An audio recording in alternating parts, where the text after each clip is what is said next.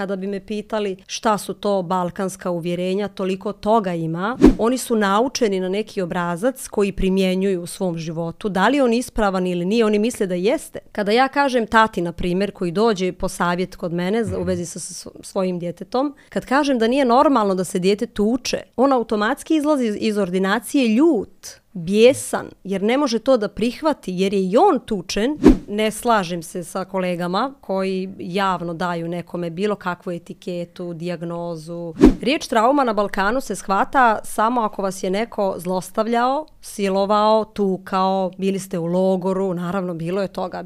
Jako mali procenat žena se javlja zbog postpartalne depresije koja postoji i koju nisu mi izmislili. Važno nam je da pričamo o ovoj temi, da bi stvorili prostor za neke generacije koje će moći da kažu e ok, mi sad više nemamo transgeneracijsku traumu. Niko se ne bavi djecom, ali autentično se ne bave sa djecom. Znaš kako se bave? Dobrodošli u još jednu epizodu Spotlight podcasta. Kao što možete prepoznati ambijent, nalazimo se u studiju ekipe podcast.rs. Ako ste pojedinac ili firma, želite da snimite svoj prvi podcast, javite se ovoj ekipi. Moja današnja gošća je Daniela Ostojić, klinički psiholog, ja bih rekao žena koja bije bitke oko balkanskih uvjerenja, to su neke neprestane bitke. Daniela, e, puno ti hvala što si izdvojila svoje vrijeme da dođeš i pričaš malo sa nama. E, dešava se jedna interakcija od nekih par mjeseci zbog tvoje zauzetosti i zaista puno ti hvala što, što si izdvojila svoje vrijeme. Janko, hvala na pozivu, zaista. Došla bih i ranije, naravno, ali mnogo sam zauzeta, kao što sam i rekla, i to nije izgovor i opravdanje. Uvijek volim da podržim i komuniciram na jednom intelektualnom nivou i zaista biram emisije, ljude i tako dalje sa kojima ću da odradim tu komunikaciju. Nažalost, nalazimo se u jednom vremenu gdje imamo svega i svačega, tako da, evo, odabrala sam tebe i to je već neki znak da si dovoljno, jeli, zaslužio da dođem ovde, što znači da si skroz ok, momak. Hvala na pozivu. E, hvala ti još jednom. Reci, molim te, šta je sa tim balkanskim uvjerenjima? Ovaj, ti zaista e, e bijaš neke neprestane bitke, ja sam neko ko je veliki fan i ne propuštam ajde da kažem kratku formu ni mhm. jednu, ovo mm -hmm. ostalo gledam koliko uhvatim. Ovaj šta je sa balkanskim uvjerenjima? Pa znaš kako Janko, potpuno spontano je to tako krenulo. Zapravo ja sam psiholog, dugo godina sam u toj kliničkoj praksi i kao takva sam eto gledala različite forme različitih poremećaja ljudi koji se mnogo pate u svom životu koji imaju emocionalne smetnje imaju traume imaju posljedice traumatskog odrastanja i nekako sam ja praktično ti kažem uradila jedno svoje lično mini istraživanje čitave te priče uh mhm. -huh. i došla do zaključka da se tu radi o nekim balkanskim patologijama je li kada kažem balkanske patologije, balkanska uvjerenja, to nećete naći niti u jednoj knjizi stručne literature, jer to se tako stručno ne zove. Međutim, stručno se zove recimo neuroza, psihoza, depresija, anksioznost i tako dalje. Toga jako mnogo ima ovdje kod nas, a sve kao posljedica jednog balkanskog odgoja. Taj balkanski odgoj nije sasvim loš, znači ne govorimo u sasvim lošoj konotaciji naravno, ali ima jako puno stvari za promjenu, izmjenu i popravku. Ono što je problem sa balkanskim uvjerenjima koje dolaze iz balkanskog odgoja jeste uh, jedan otpor prema promjeni. Dakle, a, taj balkanski odgoj je toliko tvrdokorno usađen zapravo u našu genetsku strukturu da a, roditelji koji bi trebali da rade na promjeni sobstvenoj da bi pomogli svojoj djeci zapravo neće da rade, odbijaju rad, a, govore da je tu sve ok, nema nikakvih problema, ja nisam lud, zašto ću ja ići kod psihologa, moje dijete je ok i slično. Tako da sam ja negdje tako zaokružila priču, ok, ovdje mora da se radi o nekoj balkanskoj strukturi, o nekim obrazcima koji su slični, koji se ponavljaju sa godinama iz vijeka u vijek i tako dalje. I onda sam tako pronalazila različite forme kod različitih porodica. Uh, Čak mi je palo na pamet da se ponudim nekome, evo da mu ja budem kao neki materijal za neki istraživački rad, jer zaista dolazim iz jedne manje sredine u Bosni i Hercegovini. Ja bih rekla provincija u odnosu na, na jeli, Velegrad, Beograd i tako dalje. Ili Sarajevo recimo.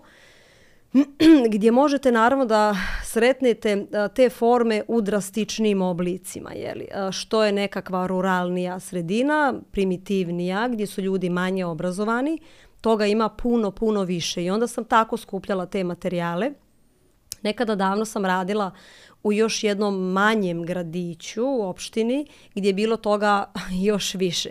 Tako da, eto, skupljala sam godinama, sa godinama sam skupljala različite forme porodica sa različitim poremećajima i svrstala sam ih u nekakav balkanski odgoj. Ništa to nije, kako bih ti rekla, knjiški zapisano u smislu diagnostičke kategorije, hmm. ali jako sa iskustvom možete da prepoznate da to zapravo dolazi iz tog obrazca transgeneracijski nasljeđenog i tako dalje. Kada bi me pitali šta su to balkanska uvjerenja, toliko toga ima, od toga je li da muškarci ne plaču i da to nije pristojno za muškarce da plaču, do toga da se žena mora udati, mora kuvati, mora rađati djecu.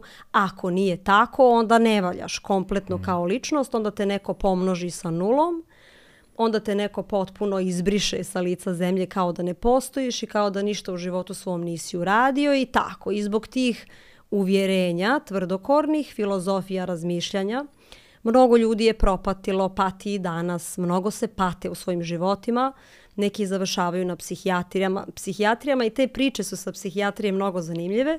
Mm. Još kao student uh, Banja Lučki imala sam priliku razgovarati sa pacijentima koji su bili hospitalizovani dakle na psihijatrijskim odjeljenjima.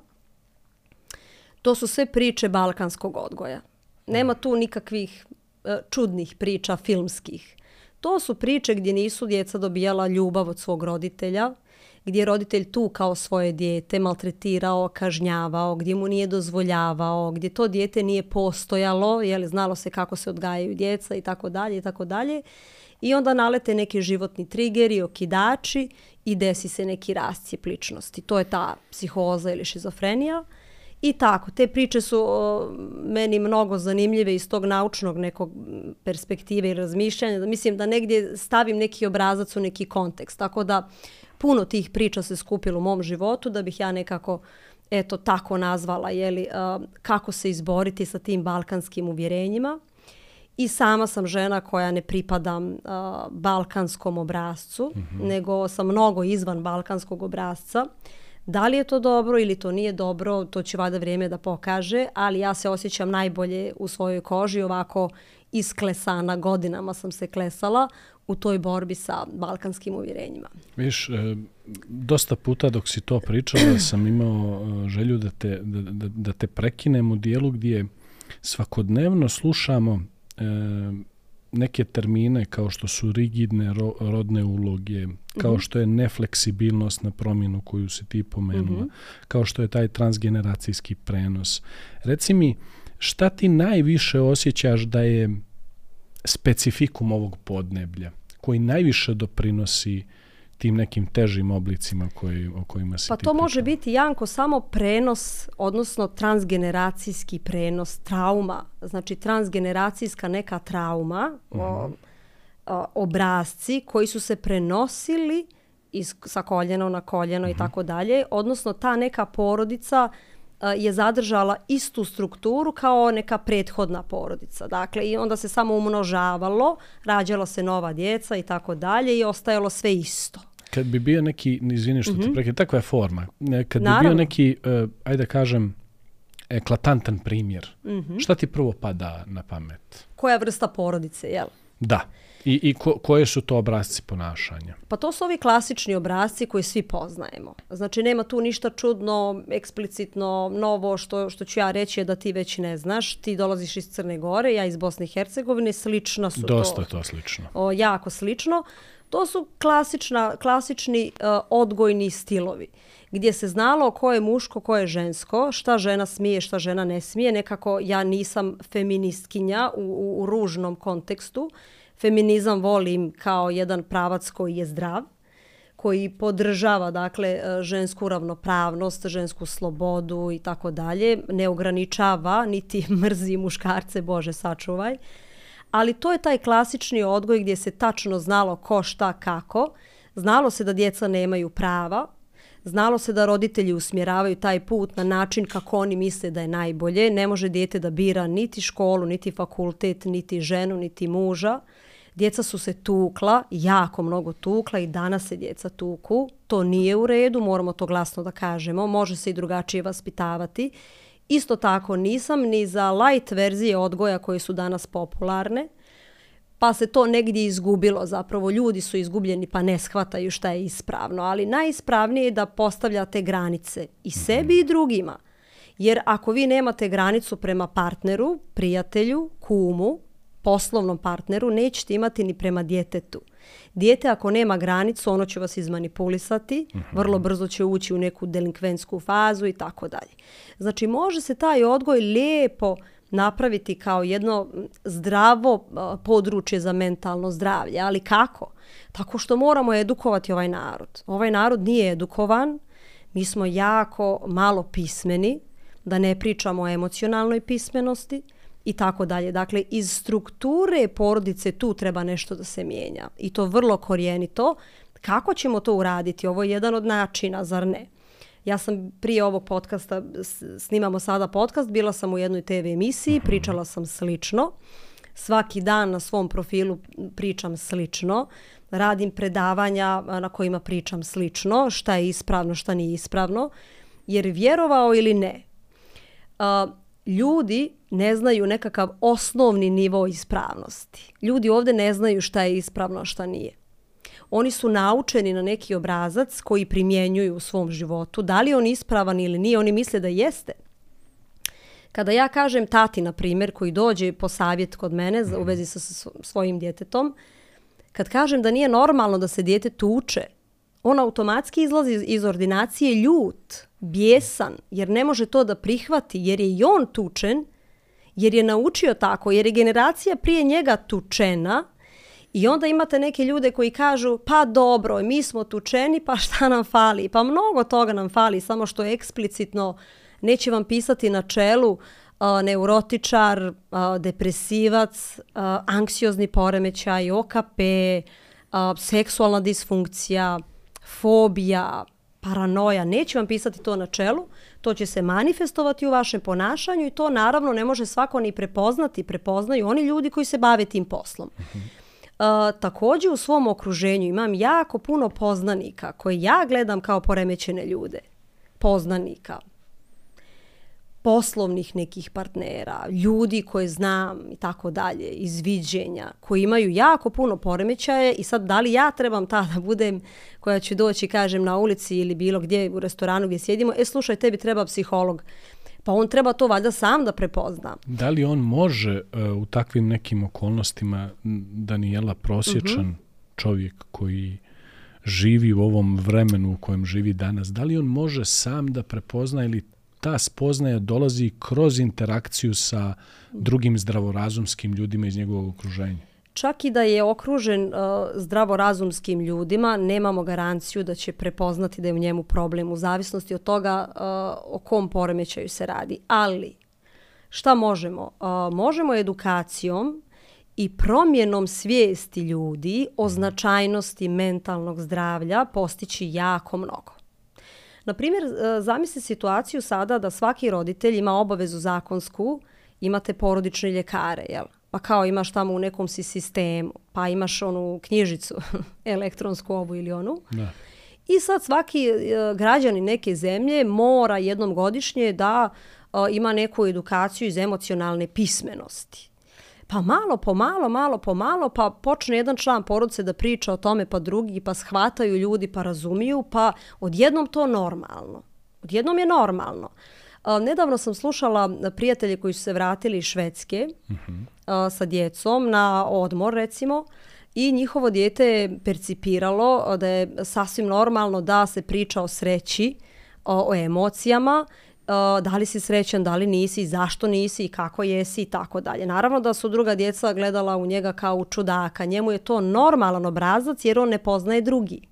On je tamo rođen, tamo je odgajan, oni jako mnogo ulažu u mentalno zdravlje i u emocionalni kontekst. Da im kao primjer.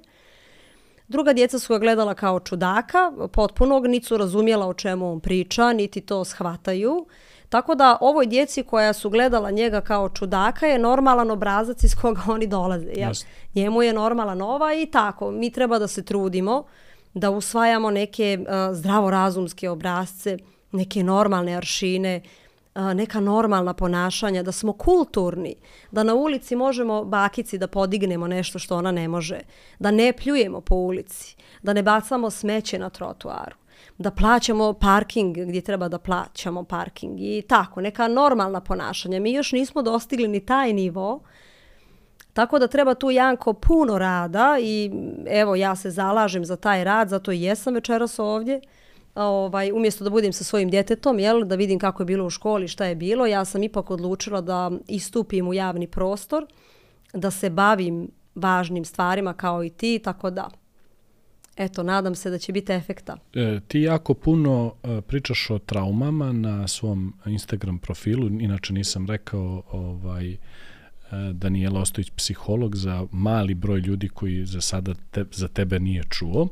E, šta sve zaslužuje danas da se zove trauma? I mm -hmm. da li tu imamo neku vrstu jeli, e, pričali smo malo prije ove emisije o tome kako etiketiramo, je li to mm -hmm. onako ovaj, e, dijagnoze dajemo. Da, dajemo dijagnoze prvo sebi pa i drugima. I to je ono pitanje koje ja često imam je da li klinički psiholog nego sad pravim ponovo mm -hmm. digresiju odnosno na prvo pitanje, nećeš zaboraviti, da li on ima na neki način etičku mogućnost da kroz određeni proksi kakvi su mediji e, i on etiketira nekog sa određenom dijagnozom. Tripa, mm -hmm. uvijek se sjetim primjera, Donald Trump, Dobro.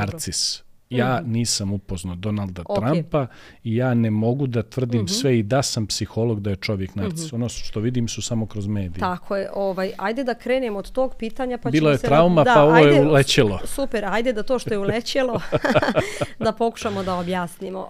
Um, ne slažem se sa kolegama koji javno daju nekome bilo kakvu etiketu, dijagnozu, i tako dalje. Međutim, sad živimo u vremenu nekih populističkih stvari, jeli, i onda tako. I imamo, mene su zvali da uh, budem u nekim emisijama da pravim analizu strukture ličnosti ljudi koji su u realitiju. Koliko je to zahvalna pozicija ovaj, uopšte? Naravno da sam odbila. Naravno da sam odbila jer je vrlo neprofesionalno. Zašto? Iz prostog razloga, evo objasnit ću ti svi kliničari koji se bave ovim poslom, a morate, ja, mislim, moraju ljudi da razlikuju ko je to klinički psiholog, a ko je to psiholog. Uh, klinički psiholog je čovjek ili žena ili osoba koji, koji rade u zdravstvenom sektoru, dakle na klinikama, u domovima zdravlja i tako dalje, gdje moraju u saradnji sa psihijatrom da urade kompletnu diagnostiku, odnosno psihodijagnostiku ličnosti. Ja sam sa Janko natestirala za svojih 10 godina da ti ne, da ti ne pričam. Različitih forma tih, tih testova, ima ih bruka. E sad, kad uradiš to testiranje, onda moraš da tamburaš po glavi po jedno dva dana da vidiš rezultate koje si dobio. Pa da li ti se rezultati uklapaju u klinički intervju, pa da li se slažeš sa psihijatrijskom observacijom, pa tek onda da zajedno donosite neke dijagnoze. E sad zamisli koliko je to kompleksno.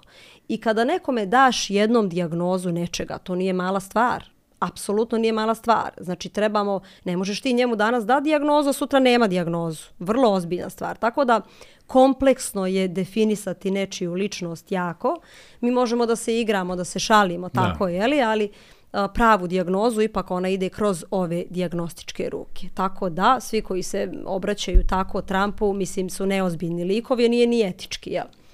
Što se tiče traume, riječ trauma na Balkanu se shvata samo ako vas je neko zlostavljao, silovao, tukao, bili ste u logoru, naravno bilo je toga, prošli smo rat.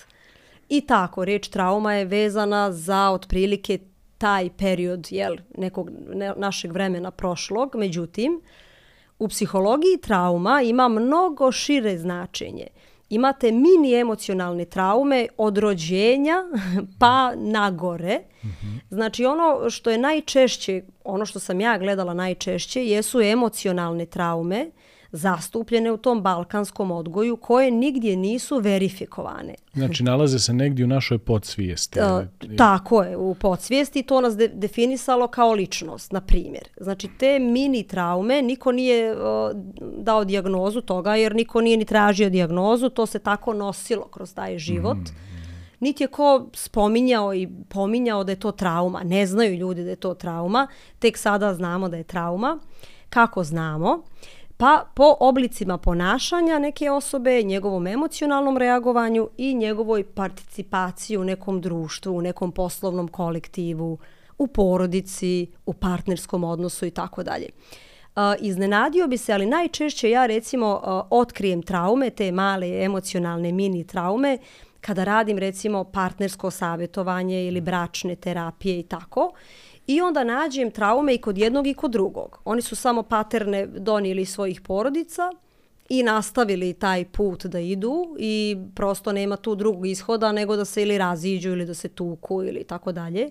Znači, te traume se uglavnom a, otkrivaju kroz ponašanje ljudsko i komunikaciju i emocionalni odgovor i tako dalje. Šta mogu da budu emocionalne traume? Emocionalna trauma može da bude a, jedan prost primjer kada dijete dođe iz škole i kaže mami da je dobilo pet, a mama kuva ručak i nije ga čula uopšte. A on se toliko trudio za tu peticu i toliko mu je značajna bila i, i toliko je radio na njoj i mama i kaže mama idi sredi sobu. Znači ona je potpuno ignorisala to što je on došao ushićeno rekao i očekivao barem zagrljaj, mm -hmm. a ona je akcenat davala zato što soba nije sređena.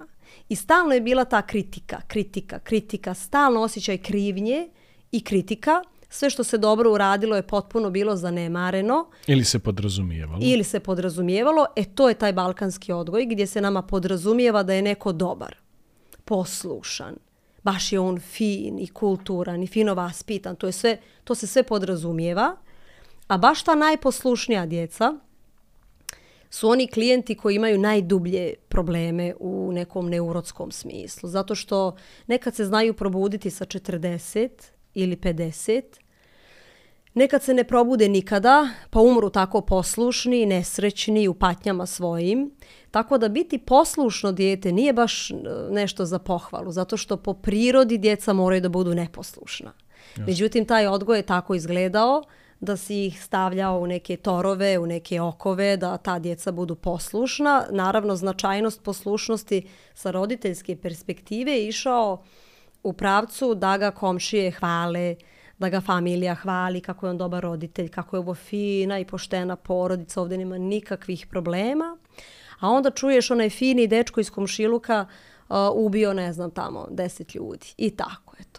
Tako da emocionalne traume mogu biti i ove male mini situacije, potpuno o, našim čulima beznačajne, ali za to dijete u tom uzrastu veoma značajne i tu ostane jedna praznina koja se kasnije jako teško popunjava, a onda ta o, odrasla osoba pokušava te praznine da popunjava nekim svojim obrazcima u ponašanju. Što bi rekli u žargonu, prođe nam ispod radara. Tako je. E, reci mi, možda si rekla, nisam iz materije, izvini, možda ćeš se ponoviti, kaže diagnostički reper za traumu. Mm -hmm. kad, kad, šta bi bio taj neki diagnostički reper za traumu i kako su stvari ona manifestuje, onako u nekom svom iskonskom obliku? Ono kad nemaš dilemu. Da, ali na primjer vidi ovako, imaš na primjer 10 diagnostičkih testova za traumu. I sad, dođe meni neki klijent, pacijent, kako god gdje god se nalazili, u, u zdravstvu se kaže pacijent, u ordinaciji privatno je klijent, ovaj, sa nekom pričom i ja otprilike mirišem da se tu radi o nekoj traumi. I ja mu dam recimo, ne znam, mini trauma test i on tamo zadovolji neke kriterijume i ja mogu da ga svrstam u grupu, evo, on ipak ima neku traumu. I sad u razradi naše priče mi otkrivamo šta bi to bila njegova trauma, jel? Svašta tu ima, svega ima. Iznenadio bi se kada bi ti rekla da jedna žena u svojim 50. godinama, veoma uspješna pravnica, uh, ima status u društvu, formirala i porodicu i tako dalje, je otkrila na terapiji da je silovana u 13. godini, na primjer.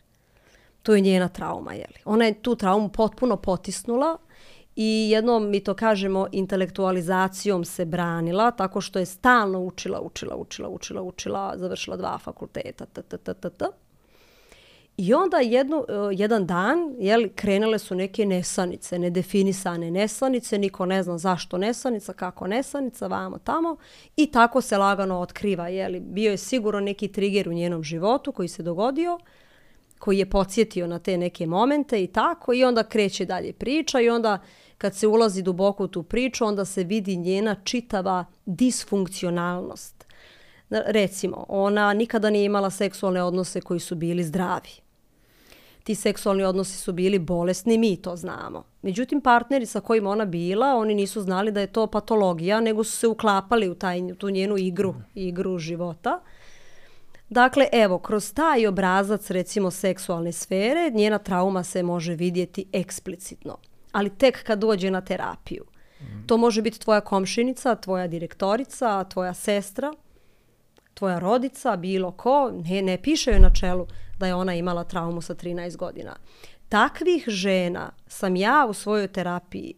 Ne mora biti silovana, ali su bile bludne radnje sa 6, 7, 8, 9 od strica, od komšije, od tate, od ujaka. Takvih je koliko hoćeš, a manifestuje se kroz neku neurozu. Neuroza može biti napad panike, anksioznost, fobija, depresija, Bijes. bijes, tako je, alkohol, droga, bilo šta. Dakle, kroz te oblike patološkog ponašanja te traume pokušavaju nekako da se izliječe, naravno na pogrešan način. Viš, dok si to pričala, sjetim se da sam u jednoj knjizi čitao e, da je autor kroz pokušaj identifikacije nejasnog bijesa koji je imao, e, su išli dotle daleko da se jeli, dijete između prve i četvrte godine najviše e, emocionalno razvija, da hoću kažem, njegov mozak se najviše mm -hmm. razmija u, u, u tom periodu. tom periodu više u odnosu na ostatak života. Okay. I onda su oni negdje, e, e, koliko sam ja shvatio iz čitanja, shvatili da je on imao upravo neke traume u tom periodu koji čak nije ni bio svjestan. One su negdje bile potisnute. potisnute u njegovoj podsvijesti. Tu se pominje ova mm -hmm. čuvena amigdala i ona je Dobro. kao dio mozga koji storiđuje taj neki naš Dobro.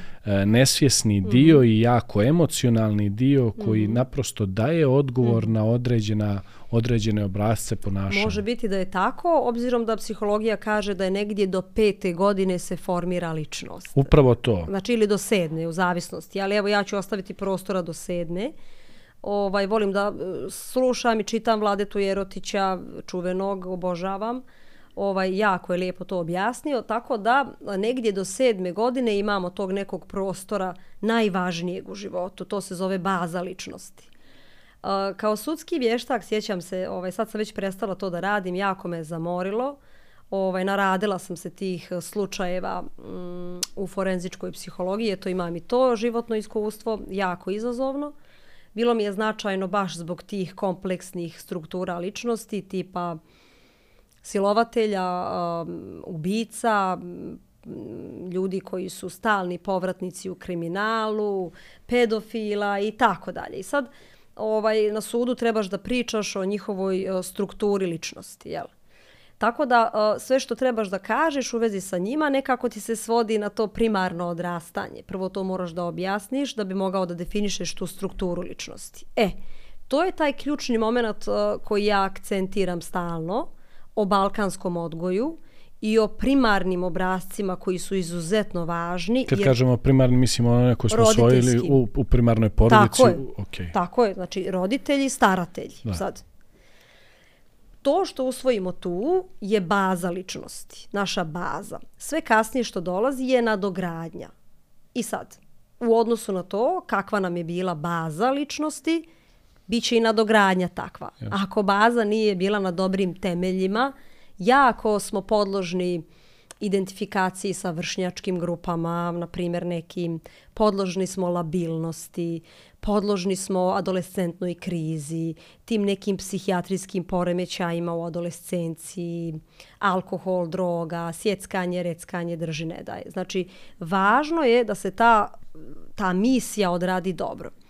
ono zbog čega ja pričam o balkanskim uvjerenjima i o balkanskom odgoju je baš to. Baš to. Dakle, da ostavim prostora ljudima koji ovog trenutka rađaju djecu ili imaju neku ludu ideju da rode djecu, ovaj, da dobro o, i ozbiljno shvate ovo što pričamo mi, stručnjaci, na tu temu. Jer to nije samo a, trla baba lada joj prođe dan i to nije samo, evo, oni stalno pričaju o, o toj sedmoj godini, o toj petoj godini i koliko je to važno, to je zaista važno. To je prevažno jer na tim godinama počivam i ja i ti i svi mi, pa smo se kasnije maskirali kako, kakav smo znali i umjeli da se izborimo sa životom, pa ko se više izborio, on je kao zdravi jeli, i funkcionalniji. Ko je imao sreće da ide na terapiju još bolje, neko nije imao sreće, neko jeste, ali važne te godine su izuzetno važne, izuzetno. Zašto se dešavalo toliko patologije? Pa ima i to objašnjenje, naravno, kulturološki, uh, kulturološki moment, uh, finansijski, u stvari egzistencijski moment našeg društva je uvijek bio jako bitan. Mi smo siromašno društvo, neškolovano društvo. Koliko god to bilo teško priznati, to je tako. I sad u, u toj takvoj postavci stvari, hajde ti sad vodi računa o emocionalnim potrebama djeteta. Većinom su bile zanemarene. Većinom. Šta kaže praksa i teorija od kad dijete emocionalno počinje da pamti i... Od rođenja. Od rođenja. Pa imaš oralnu fazu, pa analnu fazu, pa psihoseksualni razvoj, pa Freud je, svi psihoanalitičari su to jako lijepo definisali, posle njih nije niko to bolje definisao. Pa sad ako hoćete neko opšte obrazovanje, malo čitajte eto o tome. Mislim, o, nije ništa toliko kompleksno, sve je to sada sažvakano kako je to u knjigama dok su mi učili. Od rođenja važno je da li majka doji dijete, važno je u stomaku što se dešava. Uf, kad ja kažem da li ste vi željeno dijete ili niste željeno dijete, od tog momenta vam počinje vaš život. Jer ako je majka nije željela to dijete, pa je cijelih devet mjeseci propatila emocionalno, lučili se hormoni ovi, kortizol, serotonin bio jako nizak, drži ne daj, fiziološki procesi radili svoj posao, pa jel mislite do, da to nije uticalo na vas? Pa uticalo i tekako. kako. Pa onda postpartalna depresija koju niko nije prepoznao, nego babe u selu govorile, ma nije ti to ništa, to je normalno. I danas dan se dešava. Jako mali procenat žena se javlja zbog postpartalne depresije koja postoji, koju nisu mi izmislili. To je evidentno nešto što postoji kao poremećaj zbog različitih stvari, da sad ne gnjavim. Ali ne javljaju se žene. Šta se dešava s, sa tim ženama? Znači potiskuju. Gdje se to onda manifestuje? Pa na dijete. Neće na koga? Neće na komšiju. Pa na dijete se manifestuje i eto od tada već počinju te emocionalne traume i tako dalje. Jer ne može ona, ne govorim samo majici, naravno, otac je jako važan u toj priči, nije majka sama tek tako, jel? I ne, može, ne mogu se oni tek tako promijeniti. Evo mi sad u desetoj godini se promijenili, sad smo drugi roditelji. Teško to, teško ne dešava se praktično nikada. Tako da može samo dijete da se promijeni nekom svojom samosvijesti, nekim pitanjima. Postoje, postoje djeca u početku adolescencije koja se pitaju o smislu života, postoje, čitaju neke pametne knjige, valjda ih muka natjerala, jel? Ima i takvih, tako da ne znam šta da ti kažem, osim da važno nam je da pričamo o ovoj temi, da bi stvorili prostor za neke generacije koje će moći da kažu e, ok, mi sad više nemamo transgeneracijsku traumu. Ja to nekako ovako gledam ako se transgeneracijska trauma zaustavila na meni, jer sam radila na tome, ne zato što imam neku magiju, nego sam radila na tome i trudim se svaki dan da mi je to na nivou svijesti. A, ne može to nestati, ne može iščeznuti, ali mi je na nivou svijesti. Pa ja onda svoje dijete odgajam u drugom duhu, sa drugom energijom, sa drugim uvjerenjima, sa drugim stavovima, sa drugim ponašanjem i perspektivama onda će njeno dijete moći tek da kaže da je završilo sa tim balkanskim odgojem. Gdje misliš da oni trenutno prave i u kojoj fazi prave najveću grešku? Da li je to manjak pažnje i nedostatak strpljenja? Misliš na roditelje? Na roditelje. Uh, nebavljenje djecom. niko se ne bavi djecom, ali autentično se ne bave sa djecom. Yes. Znaš kako se bave? Bave se tako što ih upišu na 65 kurseva engleskih jezika, sportova, produženih boravaka. Yes. Yes. To I zovu je- helicopter parenting. Eto ono. tako, tako je. I ovaj, eto tako. I onda kad dođemo na večer, kad se vidimo i sretnemo u istom zajedničkom prostoru, niti roditelj zna ko je dijete, niti dijete zna ko je roditelj. Ja lično smatram da sam roditelj koji se trude, trudi oko svog djeteta, zalaže i da je jako puno poznaje. Moja kćerka ima a, osam i po godina. Uh, svaki dan se iznenadim koliko je ne znam. A pritome sam stalno uključena uh, u dešavanja i jako sam uključena u taj odgoj uh, kao i moj partner, a njen tata. Jako smo posvećeni roditelji. I uh, svaki dan nam se desi neka situacija koja nas frapira. Što je dobro. Znači ona se razvija, raste, stvara neku svoju individualnost, neku svoju ličnost. Ali mi je dovoljno da ona nema strah da meni nešto kaže. Znači šta god joj se dešavalo u tom njenom životu, da li ona slomila čašu drugaru, da li, joj se, da, da li se joj pocijepala knjiga, da li je uradila nešto nedozvoljeno, bilo šta, može da mi kaže. Nema strah da mi kaže, jer ja je neću udarati, neću je ponižavati, vrijeđati, neću je slati u sobu, u ćošak, u mrak, u ne znam nija šta, nego ćemo razgovarati o tome. To je skroz ok, greška je u redu, dešava se i meni, ali vidi sad ovako. Ako ti budeš nastavila da radiš ove greške, posljedice će biti te. Da li ti se sviđaju ove posljedice? Pa sad. Da. Do, do- dovijavamo se na različite načine. I Jasno. ona skapira sama da ju se to ne sviđa. Pa dobro. Ali logično je da dijete mora da radi te greške, znači zbog greške ja ne osuđujem, nego prihvatam tu grešku kao sastavni dio njenog odrastanja. E onda ona neće sebe percipirati kao grešku i onda ona neće biti klijent ko, sa kojim treba da se radi na bezuslovnoj ljubavi prema sebi. Ljudi sa kojima ja radim uglavnom nemaju ljubav prema sebi, jer su ih roditelji kažnjavali baš za te greške, jer su greške bile nedopustive. Ja znam da će ona pogriješiti danas i sutra i prekostra kao što ja grešim, dok su naši roditelji bili autoriteti bez greške, jeli? Tako smo mi misli barem. A onda kad smo porasli vidjeli smo da su i tekako griješili. Koliko je važno da je kritika usmjerena na konkretan akt, a ne na personality? Uh, sjajno pitanje, u psihologiji najvažnije. To je ona priča kada o, treba da osudimo ponašanje, a ne osobu. I upravo je o tome i riječ. Dakle, a, mama tebe voli, tebe voli bez obzira kako tvoje ponašanje bilo.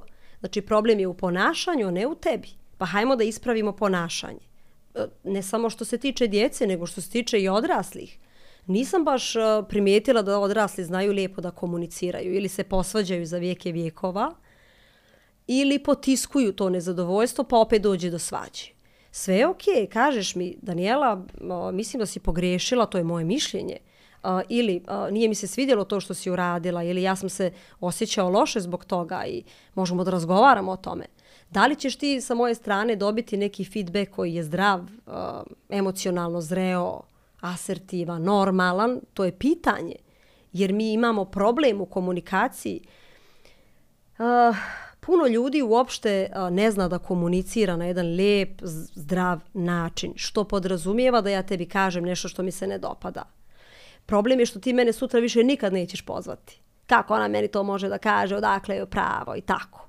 Eto, to su te stvari došle iz balkanskog odgoja. Došle odatle. Moje dijete će prepoznati da je ono grešnik, da je njena mama grešnik i neće biti problem uopšte da percipira i drugara kao grešnika i tako, da razgovaraju o tome da je to sve okej, da tu nema osude. Zato je to važno. Koliko djeca zaista u bilo kojoj životnoj situaciji rade ono što im se kaže, a koliko u stvari e, imitiraju svoje roditelje onome što oni rade? Ovaj, e, znam šta me pitaš, ne bi li ja pričala o, o ovaj teoriji bandure, odnosno jeli, učenje po modelu. Mislim da je to već poznato, mnogo ljudi zna za tu teoriju. Međutim, ja bi tu napravila distinkciju uh, između uzrasta djeteta. Dakle, e, što su djeca na nižem uzrastu, oni uglavnom gledaju i oponašaju što su djeca na starijem uzrastu, naravno da im, va, da im je važno uh, kako pričamo sa njima i šta ima da, da im kažemo. Jeli? Tako da uh, ne možemo prevariti djecu. Kako god mi okrenuli i obrnuli, djecu ne možemo prevariti, djeca i te kako ponašaju, ali do određenog uzrasta kad su se negdje definisali kao ličnosti i sad imamo neku strukturu ličnosti, otprilike oko 12. godine se završava taj proces kompletni, kognitivni ličnostni i tako. I onda kasnije ovaj oni uglavnom slušaju nas šta mi imamo da kažemo, šta imamo da pričamo, kako ih razumijemo i kakva je to vrsta komunikacije. Tako da, eto, ja bih to tako razdvojila. U odnosu na uzrast. Tako je. recimo, ovaj davno sam nekada naučila ovaj, kada sam se bavila psihologijom na fakultetu, kada ti dođu roditelji sa djecom u ordinaciju, šta prvo pitaš? Dođe ti roditelj i kaže, dijete ima taj i taj problem. Ti moraš prvo da pitaš koliko dijete ima godina. Zašto? Pa da bi ti uopšte skapirao na kom kognitivnom razvoju, odnosno nivou se ono nalazi i da li se kod njega razvilo formalno mišljenje, abstraktno mišljenje, ono mišljenje ovo, jer ako se nije razvilo, ono tebe ne razumije niti razumije posljedicu svog ponašanja, niti razumije roditelja šta mu priča, ne razumije jer priroda mu još to nije nakaskala. Jel? Tako da prvo je važno da vidimo o kom uzrastu se radi, pa da onda možemo da pričamo i raspetljavamo stvari. Tako da, eto. Šta ćemo sa onim e, produžetkom roditeljskog ega koji se često reflektuje na dijete i to smo malo se dotakli kroz ovaj kroz mnoštvo nekih aktivnosti na koje mi forsiramo našu djecu, ono što kažu, sve što pod suncem od aktivnosti postoji, od jutra do mraka, mm -hmm. ti ambiciozni roditelji na neki način, pogotovo u velikim gradovima, forsiraju da dijete ide i na balet, i mm -hmm. na mhm. klavir, i na tenis, i na odbojku, da ima razno razne časove engleskog, španskog, E, koliko je tu negdje produže, koliko je to negdje nadomješćujemo ono što mi nijesmo mogli sebi da priuštimo mm. i možda nastavak tog pitanja koliko bi ako uopšte to možemo da kontrolišemo mi pokušali kao odrasle osobe sebi da u početku ispunimo neke svoje prohtive pa onda kao i ole mm. kompletne ličnosti ulazimo u Jasno, partnerske kao, odnose. Kao neka vrsta kompenzacije to ovaj mislim šta bih tu rekla treba naći mjeru a, mjeru nije lako naći. mi smo ljudska bića bez mjere, mi smo nagonska bića. Baš smo danas razgovarali o tome a, da bi bili m, u raciju i razumni, moramo jako puno da uložimo u razum i u raciju, inače ćemo biti iracionalni. Tako da, a, prvo pitanje koje roditelj treba sebi da postavi, a, zašto ja rađam dijete? To je jako važno pitanje i nije filozofsko, nego je pravo unutrašnje motivacijsko iz kojih motiva ja rađam dijete. Ja ti garantujem da sva djeca koja su rođena na Balkanu su rođena uglavnom a, zato što tako treba, zato što je došlo vrijeme za to, zato što a, je rodio brat pa i ja bi trebao i tako, iz nekih razloga koji nemaju veze sa ljubavlju. Kakav je to fenomen? Da Balkanski. Ali vidiš... E, Jer sad si kad, odbačen ako nemaš djecu. Sad kad to pričaš, svima su nam uh, freški, nego kratka, kratka digresija, svima su nam freški uh, COVID dani. Ja ti garantujem 95% ljudi da si pitala što si se vakcinisao, rekli bi da bi mogao da putujem. Mm -hmm. Koliko je to nevjerovatno. Ti, ti se ne vakcinišeš jer mm -hmm. vjeruješ u tu vakcinu da će Tako te spasiti je. u kritičnom momentu. Ti se vakcinišeš da bi mogao da putuješ. Ti imaš dijete jer je Tečo Branko rekao da tako bi je. tako trebalo. A, dijete koji je najvažniji životni projekat, dijete koje je najvažnija stavka, najveća odgovornost.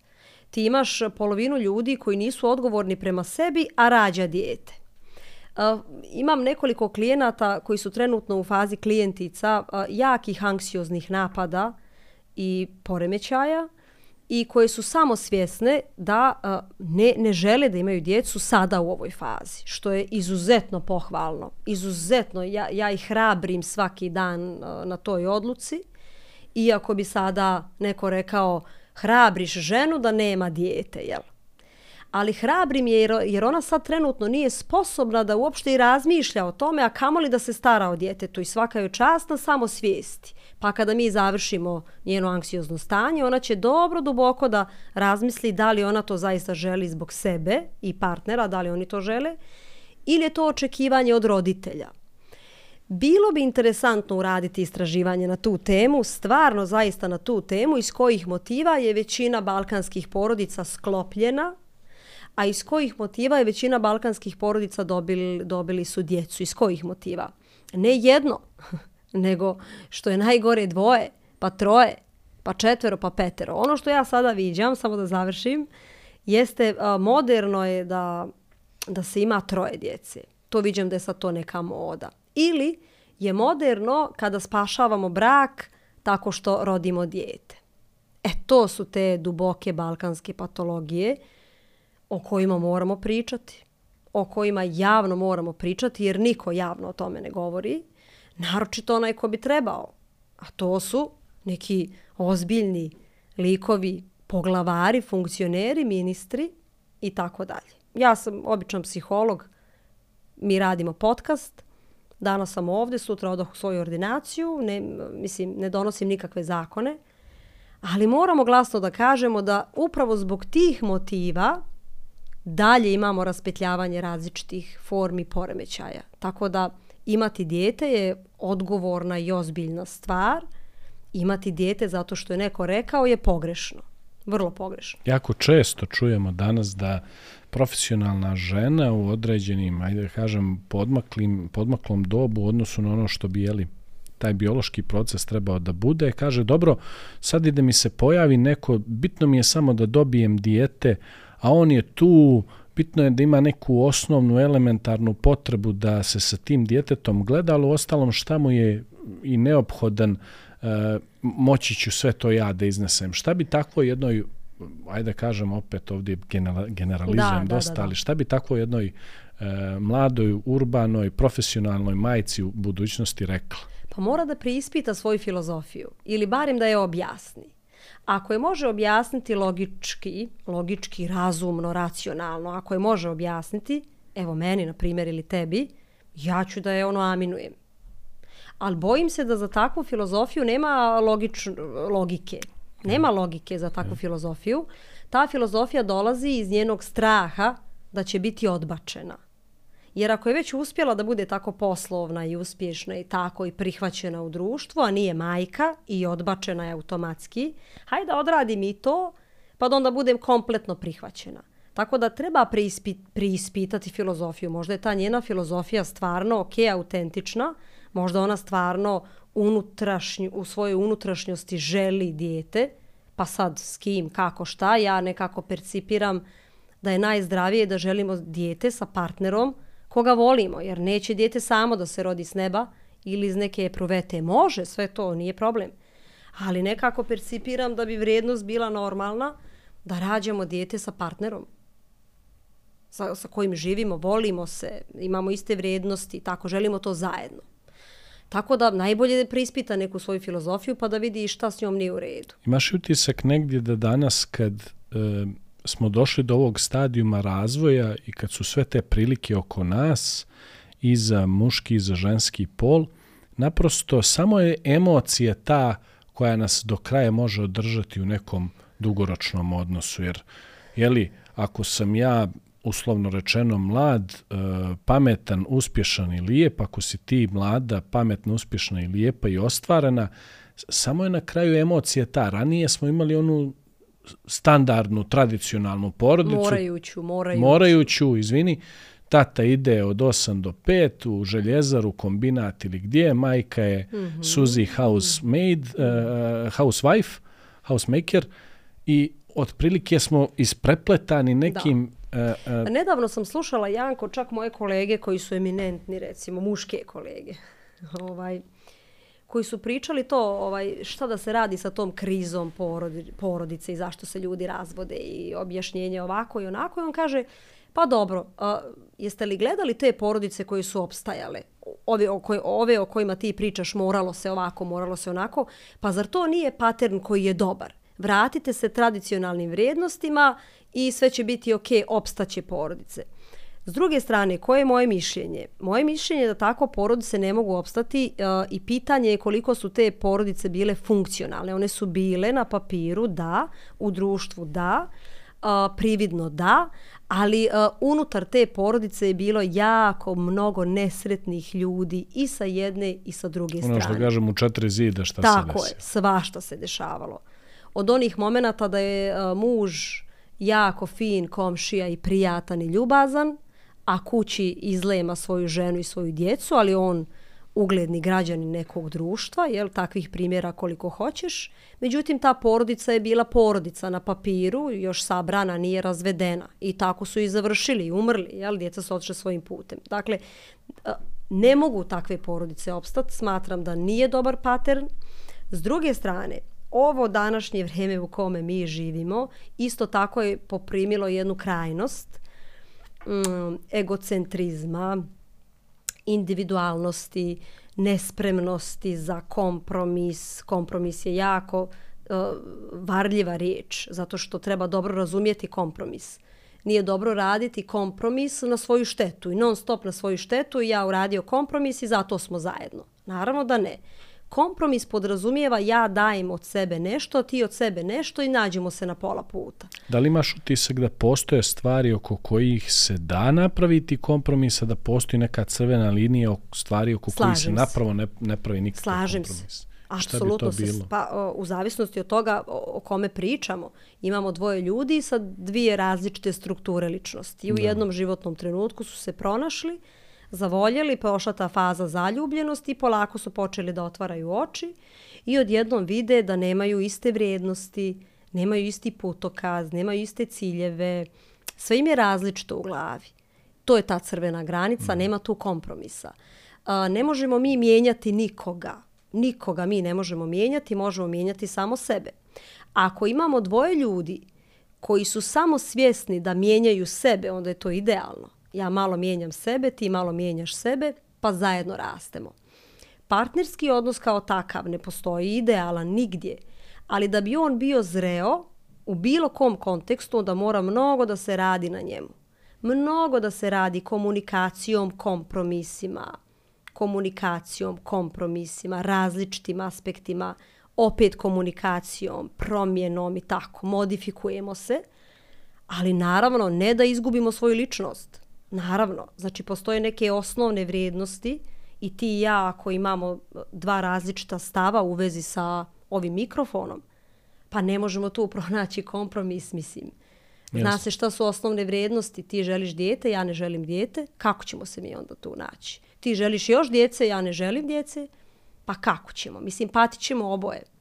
Tako da, čak i u partnerskim terapijama, šta je cilj partnerske terapije? Dugoročno zadovoljstvo i hedonizam partnerskog odnosa. To je jedan cilj. I tu je sve onda dozvoljeno u, znači, u tim partnerskim relacijama. Jel se sviđa ovako, jel se sviđa onako, jesmo mi sretni tako, e super.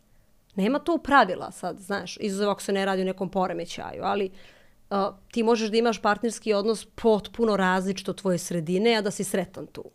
Ja isto. Sretni smo u tom našem partnerskom odnosu, ne uklapamo se u sredinu, ali nas dvoje ispunjavamo dugoročno zadovoljstvo i hedonizam u tom partnerskom odnosu, lijepo nam je zajedno, uživamo, dopunjujemo se, sretni smo. Pustili smo kose do ovde, obojili smo Da. u crveno i to je naš stil i uživamo, jel? E, Iako sa strane izgledamo kao hipici, mi smo u nekom svom svijetu. tako je. Što se tiče bezuslovne ljubavi, mm -hmm. često to čujemo iz aspekta jeli na relaciji roditelj, dijete. Mm Mhm. -hmm. da, li, da li ta bezuslovna ljubav može da postoji, kako i jeli, kako posložiti to negdje sve u relacijama prema djetetu, prema partneru, prema sebi, prevashodno? kompleksno pitanje veoma, ovaj zato što je osjetljivo pitanje. Čim pričamo o dječjoj ljubavi, jel? Koliko roditelj voli dijete, svaki roditelj će reći da bezuslovno voli svoje dijete. Ja sam to testirala nekoliko puta u ordinaciji. Kada sam pitala roditelja ovako direktno, da li vi volite bezuslovno vaše dijete, a preko puta je dijete koje je rezalo sebi vene da pokuša da se ubije, sa nekom istorijom alkoholizma i tako. Jel vi volite ovo vaše dijete? Kako ne volim, to mi je sve u životu, volim ga bezuslovno. Pa dobro, ako ga volite bezuslovno, zašto ga onda ne prihvatate ovakvog? Ovakvog. nikakvog, jel? Ovakvog nikakvog, koje je naravno takvo nikakvo zbog roditelja koji je bio jako nakaradan, jel? Kako mislite, ne prihvatam? Pa stalno ga kritikujete, tučete, maltretirate, kažnjavate, galamite, tučete, kažnjavate. Vi ga ne prihvatate, dakle ne volite ga bezuslovno. Bezuslovno znači volim ga bez uslova. Kakav god da je. Jel pustio bradu, jel pustio kosu, jel se isjeko, jel se posjeko, jel pije alkohol. Volim ga bezuslovno, ali ovo sa ponašanjem nešto tu nije ok. Jel? Hajmo da vidimo šta se tu može uraditi, a ja te kao biće bezuslovno volim. Eto tako ja percipiram zdravu bezuslovnu ljubav, a ne uslovnu. Bojim se da e, naši balkanski roditelji uglavnom vole uslovno svoju djecu.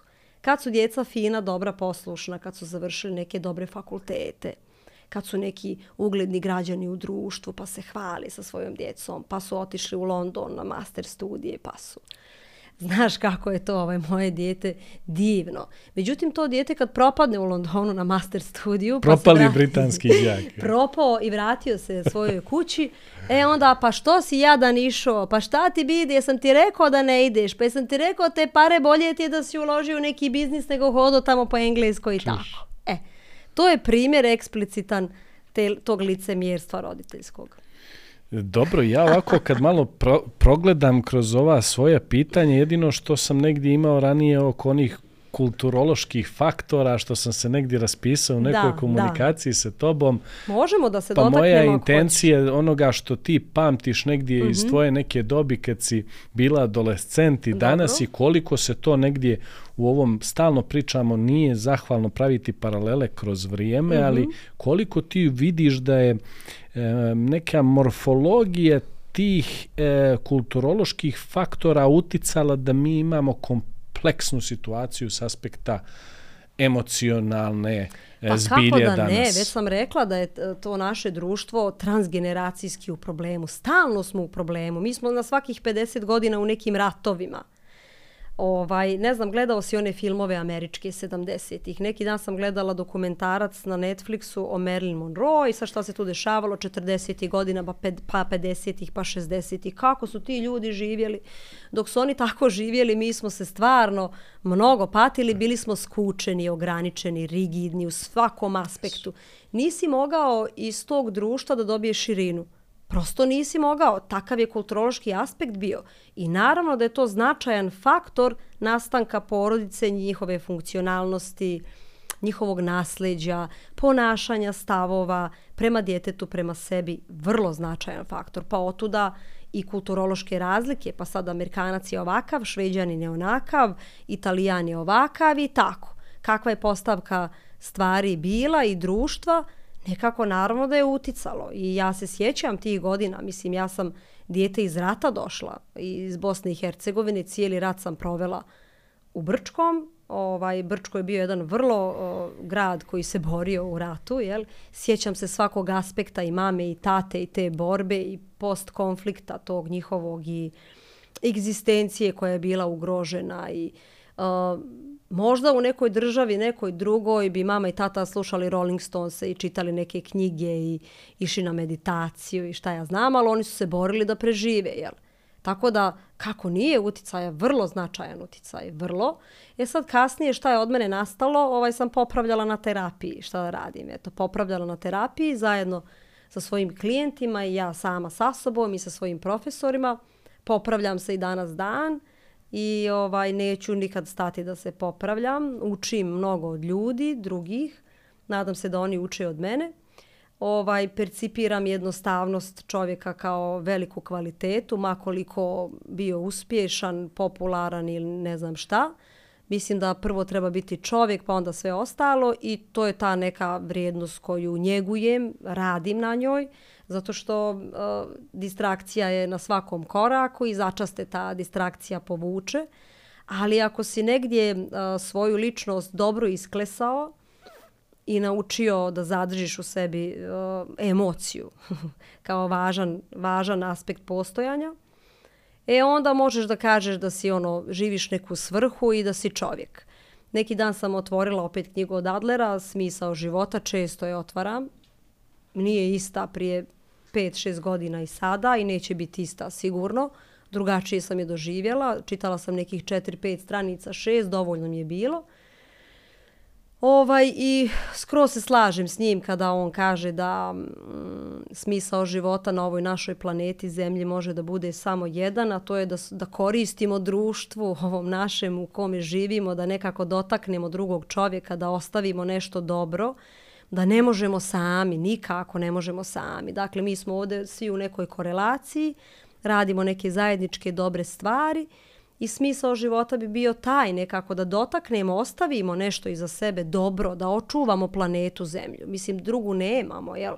Tu smo negdje svi zajedničko, u zajedničkom interesu živimo.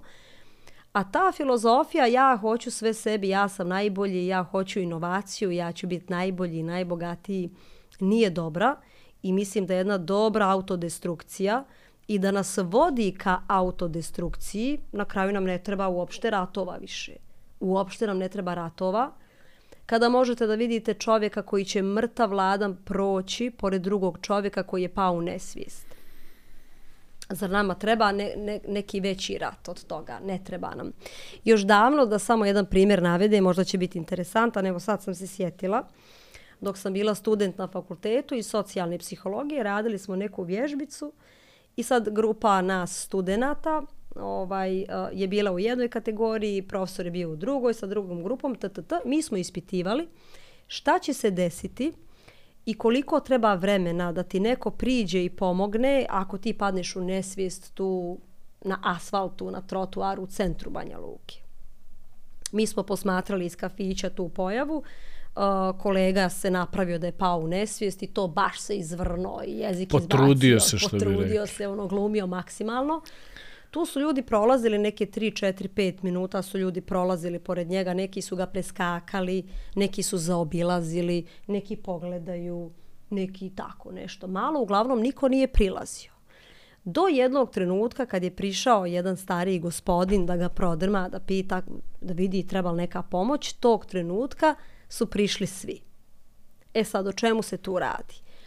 Niko neće da preuzme odgovornost na sebe, nego kolektivna odgovornost. Hajde, nek priđe on, pa ću i ja, jel? Ne znam, ja sad tu hoću pogrešiti, neću pogrešiti, jel mrtav, pa će me neko tamo nešto pitati. Pa trebam da idem da dajem Tako je, ali tu se radi i o empatiji koja je skroz istrošena. Skoro da je nema. To sa osjećanje prema drugom čovjeku sa osjećanje, razumijevanje, empatija da ti pomognem bez neke koristi. Bojim se da smo sad tu u nekoj krizi. Debeloj. E, odmah da ti kažem, nisi morala kolegu da tjeraš da glumi. Jedna moja gošća do sada iz Sarajeva koja ima multiple sklerozu mm -hmm.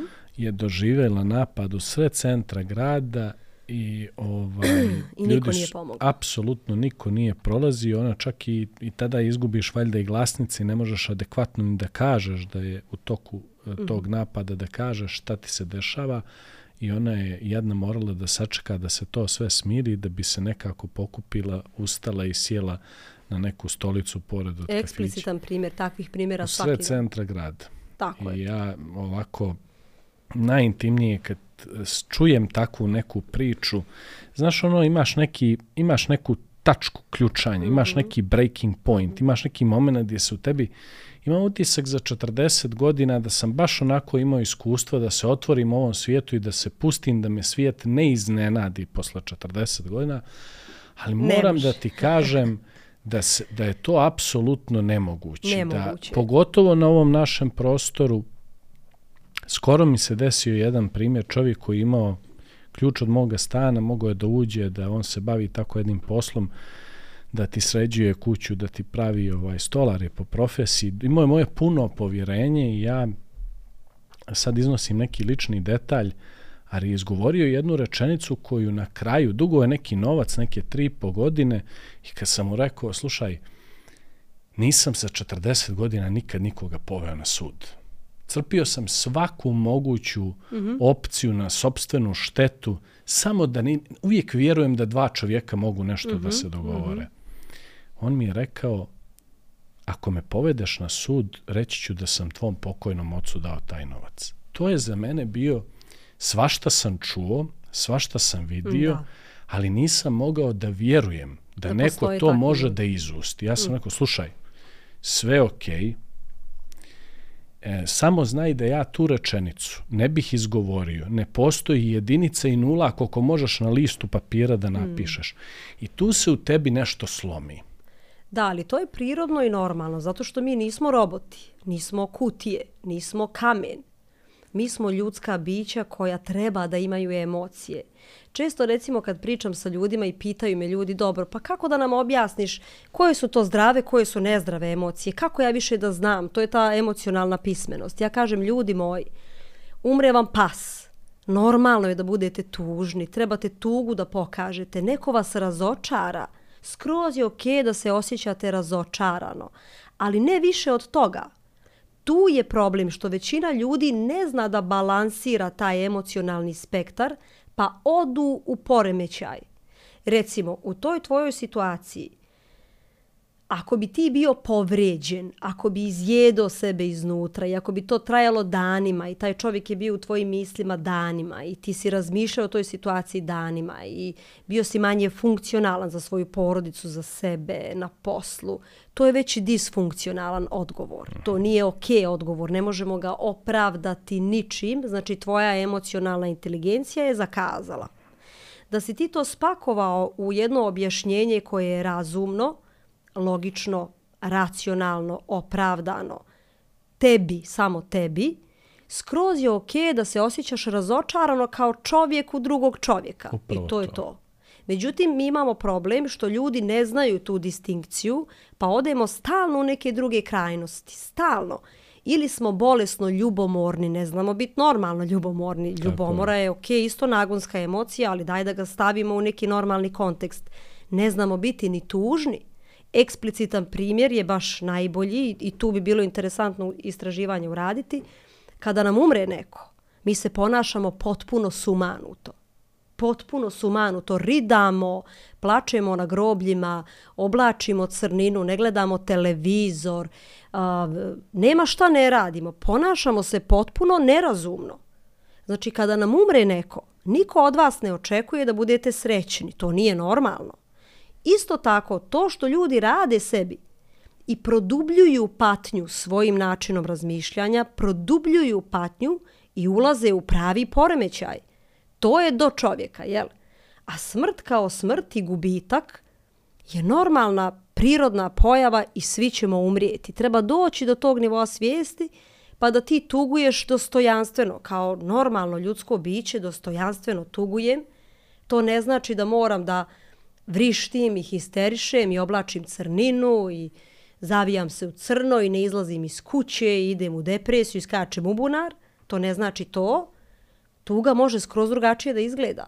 Mogu svaki dan da šetam na čistom vazduhu, da čitam neku knjigu, da se preispitujem, da razmišljam o nekim zajedničkim trenucima koje smo imali, da se sjećam, da mi je lijepo dok se sjećam, da, da se smijem dok se sjećam. Eto, zamisli, smiješ se, neko ti umro. Proglasili bi te ludim, jel? 100%. Tako da to su ta balkanska uvjerenja. E, Da ne završimo baš uh, sa nekom tužnom pričom, prisjetit ću se, evo ponovo pominjem COVID, kad je jedan čuveni psihijatar, pri, psihoterapeut uh, na nekom gostovanju na, na regionalnoj televizijskoj stanici rekao uh, nemojte više da me zovete ako pričate sa svojim ljubimcem u kući jer ste zatvoreni 24 sata. To je normalno. Bravo. Zovite me kad ljubimac počne razgovjetno da vam odgovara. Odlično, odlično, super digresija. Moramo završiti sa ovim humorom, jer a, ona priča malo prije otišla bi u neke dublje perspektive, tako da super, super je psihijatar to rekao. Ja želim samo da se nadovežem i da ti kažem da mi je bilo izuzetno ugodno i ovaj da mi je žao što nisam imala ranije vremena za tebe, ali okolnosti životne su takve bile. I stvarno hvala na ovom vremenu, brzo mi je nekako proletilo i nadam se da će biti prilike da ponekad još porazgovaramo o nekim drugim temama i samo naprijed. Daniela, puno ti hvala. Sve si rekla što bih inače ja želio tebi da kažem. Puno ti hvala uz puno razumijevanje i nadam se da ću negdje imati priliku da te ugostim i u Crnoj Gori.